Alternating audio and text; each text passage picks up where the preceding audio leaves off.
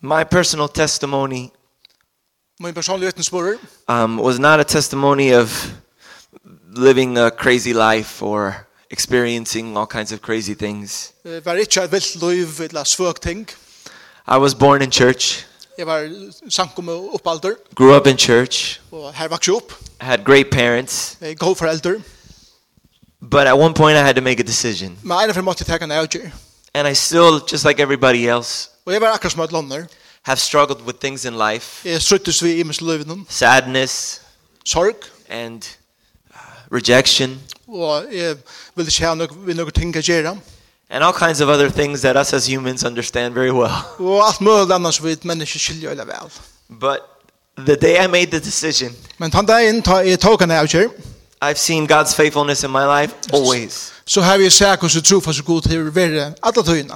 And even in times when I chose to run, Og eisene ta og jeg valgte å renne borster. He was always there waiting for me So- with open arms. Så var han her boje et med i åpne armen. And it's a beautiful thing Og det er omedelig vekkust. because for me, it's definitely something real. Så for meg er det en verilegg. Even though I've grown up with church, Og selv om jeg er oppvaksen i samkommet, it's something that's very, very special to me. så er det korsen det som er omedelig eh, spesielt. An amazing picture. En omedelig vøker mynd. Anyways, Ja. today the title of my sermon is We Are Salt and Light to This World. Det som jeg ikke tar som det er hettar er videre salt og ljós gjerrenar. I have to be very honest with you. Jeg vil nødt til å være ærlig, vet du kom. I'm a little more nervous than usual Jeg er sint og nervøsere enn vanligt. because there's a lot of smart, educated people in this Så room. jeg er nekk vel oppbyggende folk. and that is something that's like nerve wracking for some reason. Og det her gjør meg rettelig nervøsam. but I just want to op- I want to break the ice. So Så jeg bråd i øysen. I'm kind of a loose person. You, you, I- I'll get warmed up. Just give me a second. ja. So I want to start by, uh, by reading Matthew 5, verse 13. Jeg ønsker vi har begynt ved å lese Matteus 5, 13.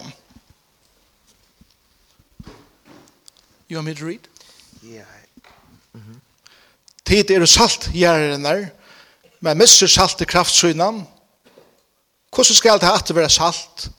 Det doer ikke langer utan å være kastet ut og trakka nyer av 13 through 16. menneskjen. Ok. Tid er ljós heimsins, stavur og i stendur av fjallet fjallet sikkje.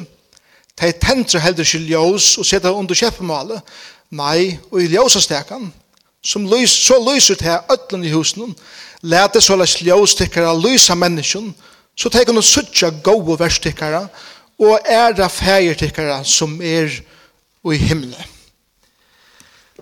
Something interesting about this verse. This is something that we're all very familiar with. We've heard this chap this verse very many times. Vi kjenner hese versene øyla vel, vi da mengan hos deg. And it talks about being salt and light. Ta seg om å være um salt og ljós. And to me the light is something that's that's pretty much very spell, self-explanatory. Og for meg er ljós nega som eh, forklarar seg sjálft. Even though there's a lot of things we can say about the light. Sjálft er nega som vi kan si om ljóset.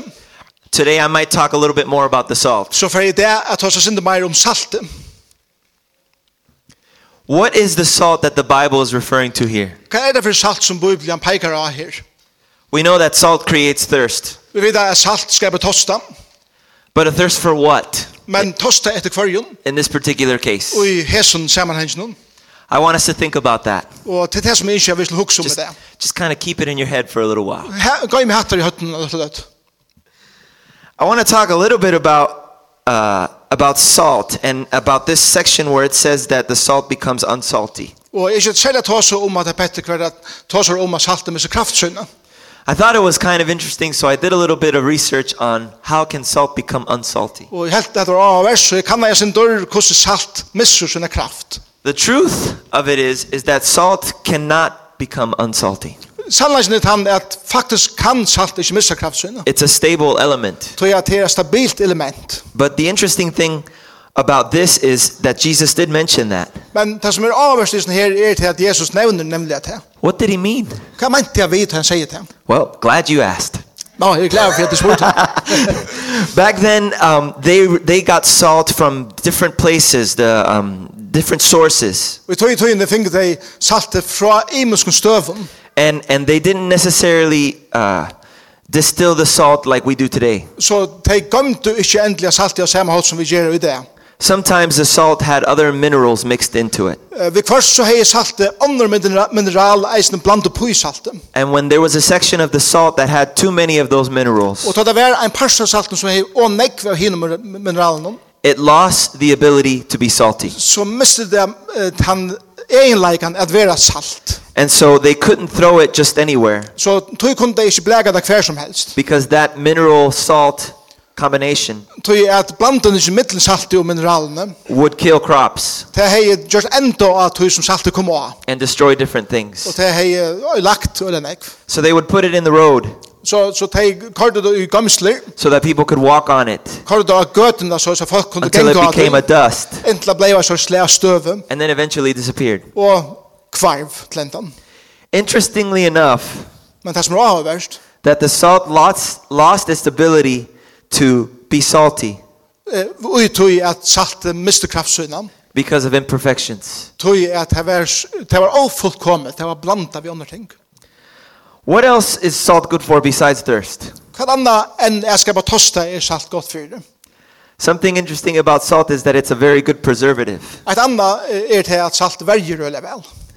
The way the salt uh, works to preserve food, Såleis som salt verger føje til dømes. it pretty much dehydrates the funguses and any other bacteria that wa- might want to be in the food. så så ger det så is at det verger det fra ötlen tur som hur hoa kom inn og bråta med det nyer. So that's kind of an interesting background on salt. Så hatta er en avvært bakgrunn til at skilja salt i her. But back to that question of, of what is the salt that the Bible's referring to? Så at til spurningen, hva er det for salt som Bibelen her sipa til? And what thirst does that salt create? Og hva for slæ av tosta skaper dette saltet? When I was really uh, reading this scripture and really kind of digging into it and, and, and trying to understand it, Som er jeg leser jo skriftene og rønte jeg skilja det, it was very interesting to me to discover this answer. så var det omedelig avhåvært for meg at oppdia hetta svære. The salt that the Bible, that I feel the Bible is referring to here, Saltet som Bibelen peikar av her is God's love. er Guds karlage. Interestingly enough, how it talks about salt being a preservative. Og vers hvordan han tar seg om um salt som en verje, eller noe som verjer med. Now, have you ever thought of love being a preservative? Jeg har også om karlæg at han hatt noe som verjer. It's kind of an interesting thing there. Det er også vers det jeg husker om. But if we read if we read this scripture again Så vi leser skriftene ene for seg. and we think of it in in the terms of God's love, Og um husker om det, i stedet for salt, så karlæg God's love creates a thirst for the things of God. Så skaper Guds karlæg en toste etter tog som har vi god å gjøre. As Christians in this world, Som kristen og jesne heime, we are the salt and the light of this world. så er vi salt og ljós gjerne. We are the salt that creates the thirst for God. Vi er saltet som skaper toste etter gode, And the love of God og karlæg Guds. is what creates that thirst. er det her som skaper tann tostan. When it talks about us, uh, when it talks about salt becoming unsalty, Og ta det tosar om saltet som er så kraftsøyna, I thought of a picture så hugsa man en mynd of a Christian om en, av en sikvande, without love. utan karlæg. What are we good for as people of God Hva nytta vi som folk Guds, without God's love? utan Guds karlæg? Without showing God's love to this world? Utan å vise Guds karlæg til henne heim. What then will create a thirst for the things of God? Hva er det så som skaper en tosta etter tog som hever vi What god å will gjøre? create a longing Og hva er det som skaper en langsel? to want to be close to God, At ikke komme god og nærre. to need the wonderful Savior that we know? At møte den underfulle frelseren som vi kjenner. When I speak about loving the world, Ta i tosig om at um elska heimen, I don't necess- I don't mean to be agreeing with what it's doing or what they're doing. så mener ikke vi til at vi tar under vi øtlen som heimen gjør. Love doesn't need to blend with the world. Kærleiki pjøs ikke blandast inn i heimen og det som heimen gjør. Light doesn't blend with darkness. Ljós, det blandast ikke på i myrskur, And it's not that the light is being rude to the darkness. Det er ikke det at, at ljøset gjør seg inn og myskere. Light is just light, Ljøs er ljøs, and dark is dark. og mysker er mysker. Wherever there's light, Og alle sånne her som ljøs er, there can't be dark. kan ikke mysker eisende være. So again, we are salt and light to this world. Så vi er salt og ljøs gjerne. So when we love, Så tar vi det elskam, if we are light, om vi er ljøs, if we are salt, og om vi er salt, we will definitely stick out så, så stinker vi helt sikkert fremover der bortser ur, in this world. og i hesenheimen. And that's okay Og det er ok, because if we love, til at om vi det elskar, but we also understand that sin is in the world og samtidig som vi skiljer at synd er i heimen, and that we are sinners, og at vi er syndere, people can sense that love. så kunne folk korsende føle at han kærleikan. Maybe there's uh, a certain lifestyle that I don't agree with with somebody. Kanskje er det at jeg ikke er det samtidig vi hvordan anker livet sitt liv, And it's okay that I don't agree, og det er ok at jeg ikke er samtidig vi but I tog, love them still. men jeg elsker korsende den personen, And they will feel that love og det er for at føle at jeg elsker det. because it's a pure love from the source of love, Så jeg tror ekte av kærleik som kommer fra kjelt og kærleikans, which is Jesus Christ our Lord. som er Jesus Kristus herre og herre. I want to read in Corinthians, uh, 1 Corinthians 13. Jeg skal lese fra 4 Korintbrevet 13.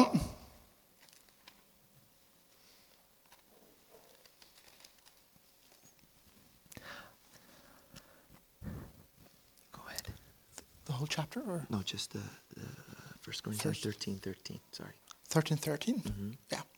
Så vera teit ha verande, trygg, vån, karlage, hese troi, men størstur at heimon er karlage.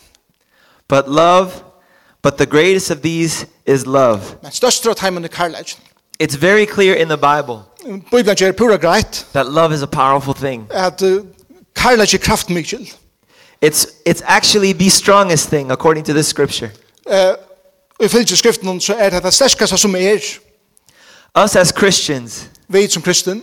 we have the power and the ability to change the world. Vi har bæg kraftene og eisen uh, evnene at ombrøyde hendan heim. We have the power to create a thirst Og vi har evnene til myndeleikan er skapa tosta for God, etter gode.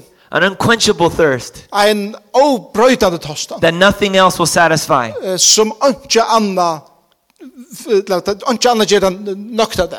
But we understand how God's love is for us. Men vi skilja hvordan Guds karlage er til okkara. We live in God's love. Vi lever i Guds We karlage. have felt his Vi love. har kjent hans We karlage. have felt his love in times of depression. Vi har kjent hans karlage tar vi det We nyalige. have, we have felt his love in times of crying, Og eisen tar vi grata. in times of fear. Og tar vi det bensin. But that's the wonderful thing about serving God. Men til det gode og underfulla tinge vi er at hana gode. Not that our weaknesses disappear, Ikke til at okkara veikleikar kvarva, but in our weaknesses, men ui okkara veikleikar. he is strong. Så er han sterskur.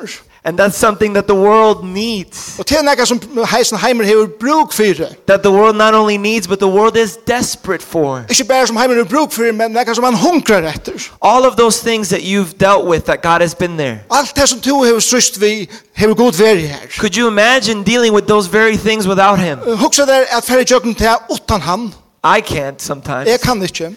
I think about it and it's like, oh man, Jeg hugsa om det um og jeg hugsa, "Uff, hva skal jeg gjøre? where would I be without you right now? Hver har jeg vært utan tebeint nu? Where would I be right now? Hver har jeg vært nu? How would my emotional state be? Hvordan har jeg haft det kjenslige? How would my life be? Hvordan har jeg mitt liv vært? Definitely without peace, Jeg er ikke haft fri, definitely without hope. og jeg er ikke haft vogn. And we can't stay here in the church Og vi kan ikke være verande her ui samkommende. knowing the truth about the fact that we are salt and light vitande at vi er salt og ljós and not creating a thirst og ikkje at skapa tosta for God in this world. fyrir god eller etter god i sin heim. I want to read Matthew 22 Matteus 22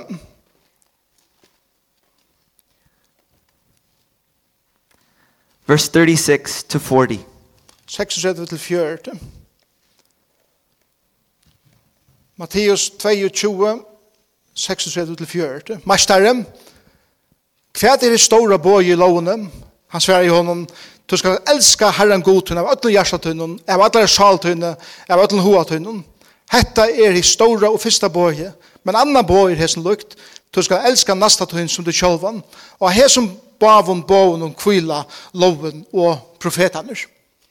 Again, God is confirming this very thing. Ein av en stedfester god hettar, Isn't it interesting that the two greatest commandments er det ikke avverst at de tvei store bøyene have to do with love? heva vi karlægan at gjera. One loving God with all of our heart, Ein at elska god til at noen hjärsta, and one loving our neighbor. og hitt at elska nastokkara.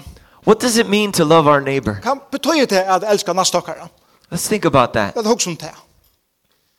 There's many different things that we can put to that question. Vi eh, kunde sett fram nekv ting til hans spørringen, But the the easiest way in my opinion men det som jeg aldri vera lattast, is to understand that we are loved. er at skilje heter at vi er og elska i. And in every particular situation Og i lika mykje for er støv eller omstånd vi er i, to be love. så vera vi elska i. To love to find a way to show love to the world. Og så er det eisen at finna ein måte er at vise hesten heime karlæka.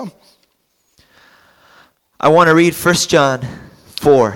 Og så er det første Johannes her brev, kapittel 4.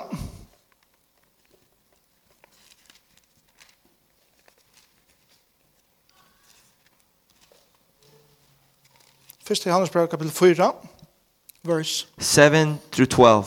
6-12. Tid elskar hon. Læt jokken elska hverst anna. Tu karlægje Karlægjen er av gode, og hvert han de elskar er føtter av gode og kjenner god.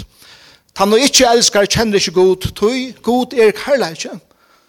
Og i tui er karlægje god som åpenbæra av middelokkara, er god hever sendt sånn som hinn einbarn og i heimen, for at vi skulle liva i honom. Og hesten er karlægjen, ikke at vi hever elskar god, men at han hever elskar okkon og sendt sånn som til båt, for i synder okkara. Tid elskar hon. Hever god elskar okkon så, Ta skilda eisen vid at elska kvart anna. Ongen hefur nærkande seg god. Elska vid kvart anna, veri god verandi ui okkun, og karlænsje hansara er fullkommen ui okkun. That's amazing, huh? Fantastisk am. I love that scripture very much. Jeg elsker hans her versene. Here it's very clear that it, that God is love. Her er det pura greit at god er karlænsje. When we talk about God, Da vi tar seg om god, who are his hands? um eh, hver, hverje er så hender hans, Who are his feet hverje er føtter hans her, in this world? og i hesten heime. We are. Vi der. If God is love and he lives in us, Om god er karlænsje og han lever i okkun, then we are to be love. så er vi, eller så eier vi å være karlæge. We're to love this world. Vi eier å elske hentan heim. Sometimes that is not so easy Men vi først er det ikke så lagt. because in our minds, Tøy ui hoa heim i okkara. maybe we might think what the right ways should be or So- what the, the what how things should be. Så hugsa vi om hvordan det skal gjøres på rette maten, eller hvordan det er så gjør ut. And maybe we might not agree with even within the church how we deal with each other. Og kanskje er det åsamt, selv i middelen okkara i samfunnet, hvordan det skal så gjør ut, og hvordan det skal gjøres.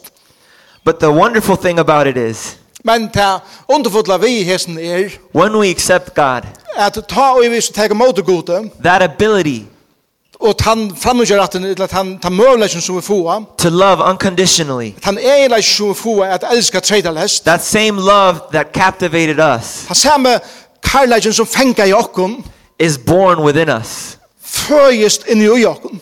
God has given us the ability God hefur giv i okkun eginleikan, to love the way he loves. at elska som han elskar i. And that's an amazing thing Og det er fantastiskt. because we don't need to rely on ourselves. Så jeg tar havet ikke bruk for jeg kvile i okkun sjolvun, eller i egnar kraft, We rely on him. men vi kvile i hans herre og i honom. He is love, Han er karlægen, and when we accept Christ, og tar vi teg imot Kristus, we begin a relationship with love. så byrjar vi et forhold vid han karlægen. Not love the way the world understands it. Ikke karlægen at han har som heimer i kile karlægen, Not a love that's impure, ikke ein åreinan karlægen, that is thrown to the streets and trampled on, Eller en dolka en karlaga som vi blegar ut av gøtene at trakka nyer, but a love that creates thirst. men en karlaga som skaper tosta. Thirst for the God that we serve, En tosta etter tog goder som vi tæna. the wonderful God that we serve. Hesten underfodle goder som vi tæna. Now I want to read in the same in the same chapter, 1 John 4. Nu får jeg lese atter fra 1. Johannes brev 4, I want to read uh, verse 19 to 21. fra 9 til 21.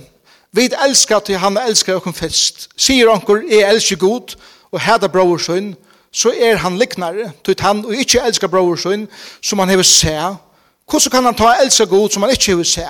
Og hetta på, her vi finnes fra honom, at han og elskar god skal elska bror sin vi. Do you remember where you were when God's love found you? Eh, Minnes du hver to vers ta i karlaj gods fant hem? Do you remember that day? Minnes du tann dagen? Think about it. Hoks om det. How was it? Hvordan um var det? When, when God's love, when you finally felt His love reach and, and, and grab you. Ta til å enda følte at hans karlaj kom og tog fæter ute. For me, it was a very uh, unique kind of experience. For meg var det en særstøk erfaring eller hending. Um, I was pretty young. I was six years old, Jeg var unger, seks år gammal, and I was in my room, og jeg var jo i kameran, and I had this urgency og jeg hei en langselen, that I needed to make a decision to accept God. at jeg hei bruk for at jeg kan avgjøre at jeg kan måte god til. My parents had always told me that their relationship with God is theirs, but I needed to someday find my own. Foreldrene hadde alt fortalt meg at herra forhold vi god vært herra, men jeg hei bruk for at jeg finner mot egna forhold vi god. And it was a very it was a very nervous experience in a good way, not in a bad way, Og jeg, jeg, var, jeg var nervøser, men på en god måte, ikke på en ringa måte. because I understood certain parts of it, but I didn't understand all of it. Så jeg, jeg skilte nægge av det, sjokte mye skilte alt. But my parents they prayed with me in my room. Men foreldrene kommer til bo som man vet, vi mer og i kameran. And truthfully, I can say that that began a really beautiful relationship with God. Og jeg kan sannelig si at det- det var brygjanden som er eh, og en er underfodder fer, vekrere fer sammen med goden. I remember that that the next day I went to school Jeg minnes det en etter for skolan. and I was telling all the teachers that I was going to preach this Sunday at church. Og jeg fortalte alle lærerne for at tala neste søndag i samkommene. But nobody at church knew I was preaching. Men ungen i samkommene visste at jeg får å tala. and I remember going that Sunday morning Og jeg minnes det for møtet han søndag morgenen. prepared to grab that microphone Og jeg var pura klar at jeg kan fætre and mikrofonen to speak about og Jesus. ta som Jesus. But of course, it, it wasn't my turn Og that så han det, morning. jeg har ikke- jeg har ikke tørnt han der. So I was okay with it. Så det er hei ok. But I remember also uh, just speaking to God about things Men jeg minnes det kan det ta seg og bli ærlig vi god om i mist. and really being in the mood for a candy bar Og, og eh, jeg, jeg, jeg langtes etter anker søten. and asking God for candy. Og så spurte jeg godt om jeg skulle få akkurat bom. And somehow there was a birthday party at class or something. Og så var anker føringer der var, And then I would have candy. og så hei, fikk jeg fullt av bom. or, uh, you know, s- just th- these are my own personal experiences. At det er I'm hans just- egne erfaring. I just feel like I, I want to share them with Jeg har bare you. hoa lutat her vidt tikkum. Um, at times, uh, I, I had a problem with a toy that was broken in the car. Og det er hei, akkurat en trobleik av vi akkurat leiketøy som var brått i bilen. And I would pray, I really wish the next light was red so that dad could fix it. Så jeg ber at, jeg håper at har vi kommet til ljøskur, så er det rett, så er det papen min kan takke seg rett. And the light would be red. Og så var ljøskur rei.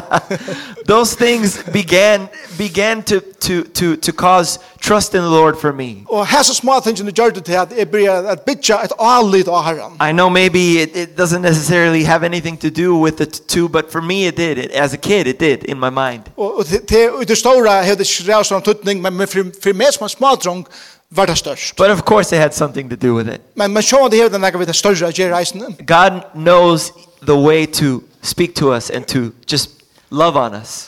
God veit akkurat hvordan han skal tale til okken og eisende elsker okken As I grew up, som vaks opp. I, I saw God in all kinds of different ways, Så så er God på så utrolig nekvar imiskar matar.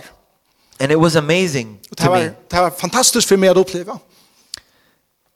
And as a kid as well, Og som smadronger, just dealing with teenager things and og som tannaringer og alt det som tar strøyast vi. different things, I remember at, at times being sad about something Og jeg minnes en av fyrt jeg var kjetter og mættet landa.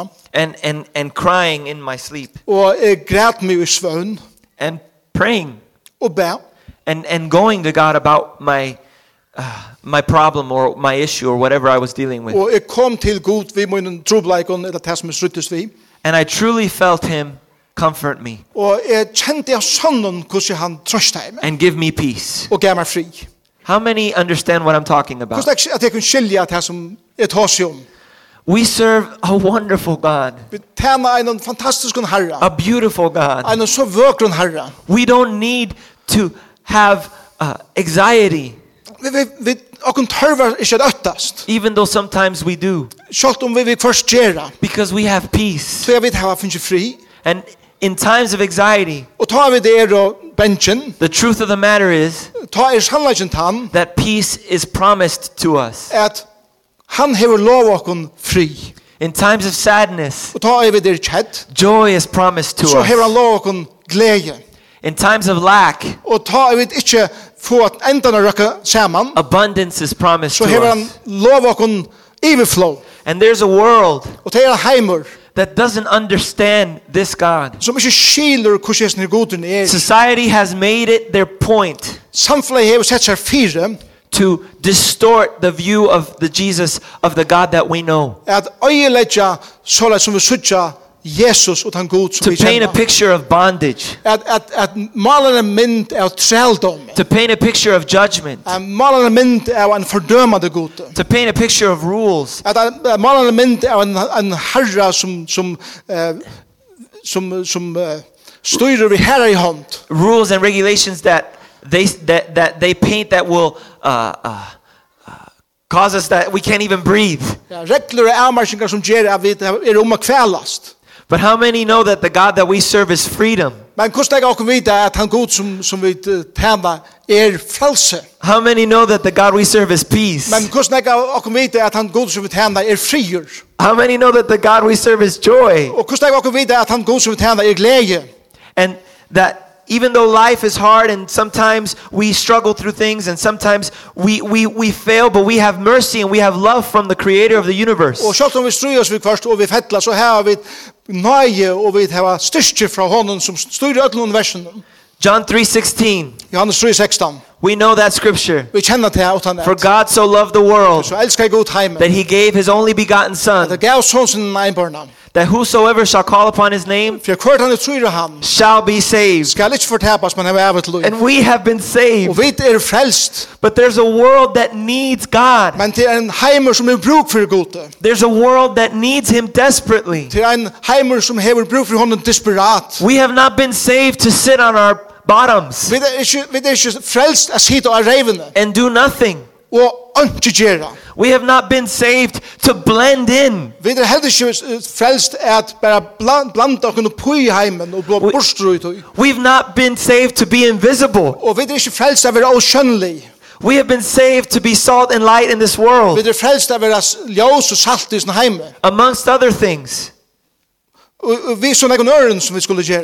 in our jobs, Til arbeids. in front of our coworkers, Vi heimer som arbeids hjemme vi. to take the opportunity to be God. At hega målegan er være god. Maybe they might open up to you about something they're going through. Kanskje ofte de ser fyrt her om et eller annet som det strøyast vi. I'm going to encourage you to be bold. Og tog for at oppmuntra det at være djerver eller djerv. Tell them about the Lord, pray with them, Fortell dem om herren og bivet. do it in love. Gjer du karlæga. That love is something that they will recognize. Til at jeg kjenner handan karlæga. It will create a Det thirst. får skapa en tost i dem. They'll want more of Det vil it ha meir av dem. in our homes. Heima.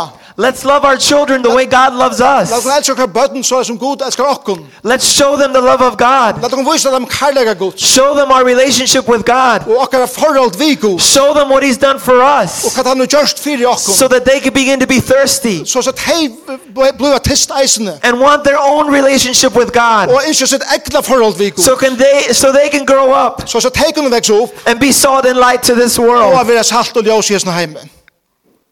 Let's be salt and light in our Lat churches. okkar være salt og ljós i sankummen okkar. There's also pain in the church. Til eisen pøyna og i sankummen There are okkar. people that maybe don't know the Og Lord til folk som ikke kjenner herren og i sankummen that might come to church because of tradition Som bare kommer her til til tradisjon. that have never experienced this love. Men har ongan erfære karlaga. To me, those are the saddest Og cases det er det som mest syrgjel til min ervig. because they live life coming to church Det er livet liv jeg kommer i kyrkje til and they're on møte. the edge of experiencing God's Og love. det er vi at oppleva karlaga gods. Let's love each other. Lad okken elska hverandre. Let's love each other in the church Lad okken elska hverandre og i samkommun. so the world can see how we love each other. Så så heimer kan sutja hvordan vi elska hverandre. And that will also create Og thirst. det er for eisen skapa en tosta. We are salt and light to this world. Vi er salt og ljós i sin heim. We are not meant to be invisible. Vi er ikke å være skjønnelig. We're not meant to blend. Vi er ikke blant om heimen og blå borster. We're meant to be light. Vi er å være ljós. We're meant to be a city on a hill Vi er å være ljós og en steg that everyone can see. som ødel kunne suttja. We're meant to create a Og thirst, vi er å skapa tosta. an unquenchable thirst Ein, ein avsløttjande tosta. for God, Fyrir gode, lette gode. and we're meant to preserve Og vi er å være verger with love. som elsker det vi kærleika. I want to encourage you Jeg er ikke å oppmuntra deg om. to wake up and, and acknowledge that truth every day Og at, at vakna opp og at stedfesta henda sannleikan kvann det. and walk in boldness, Og, og at genga i dirve. understanding who you truly are in Christ og at skilja hver til verlig erstu Kristus and understanding that that power to love og at skilja til hessen hennar kraften er at elska lives inside of you lever inni og and is ut growing og vekser and is flowing og flyter like ut a mighty river som er stor og everywhere you go. atta sin er her til fær There's no choice when there's a river flowing, og det er ungen ungen velta og en å renner a strong river. og en, en stersk å eller Everything streimur around that river gets wet. og um alt rundt om tan streimen blir vått Nothing can escape the water of this Og- mighty river. og ungen slipper undan vattnen og isen streimen There is a river inside of us. det er en å eller streimur i New York The God that created the universe som god som skapte universet lives inside of us. han lever i New York The love that reached out to us, that sent his only son to die, Og kærleiken som lever i okkun og han som sender sin egna son av dodja. that love lives in us. Han kærleiken lever i okkun. Let's be salt and light to this world. Lat okkum vera salt og ljós i Again, I want to repeat myself. Let us not be invisible. Einar for enn, lat okkum ikke vera avskjønnlig. Let us not sit down and just continue to take and understand and, and, and not and forget about this world Og lat okkum ikke bare vera teg som sitter nirri og teker motor og gløyma teg som er i sin heime, that needs Jesus. som hefur bruk for Jesus. Amen. Amen.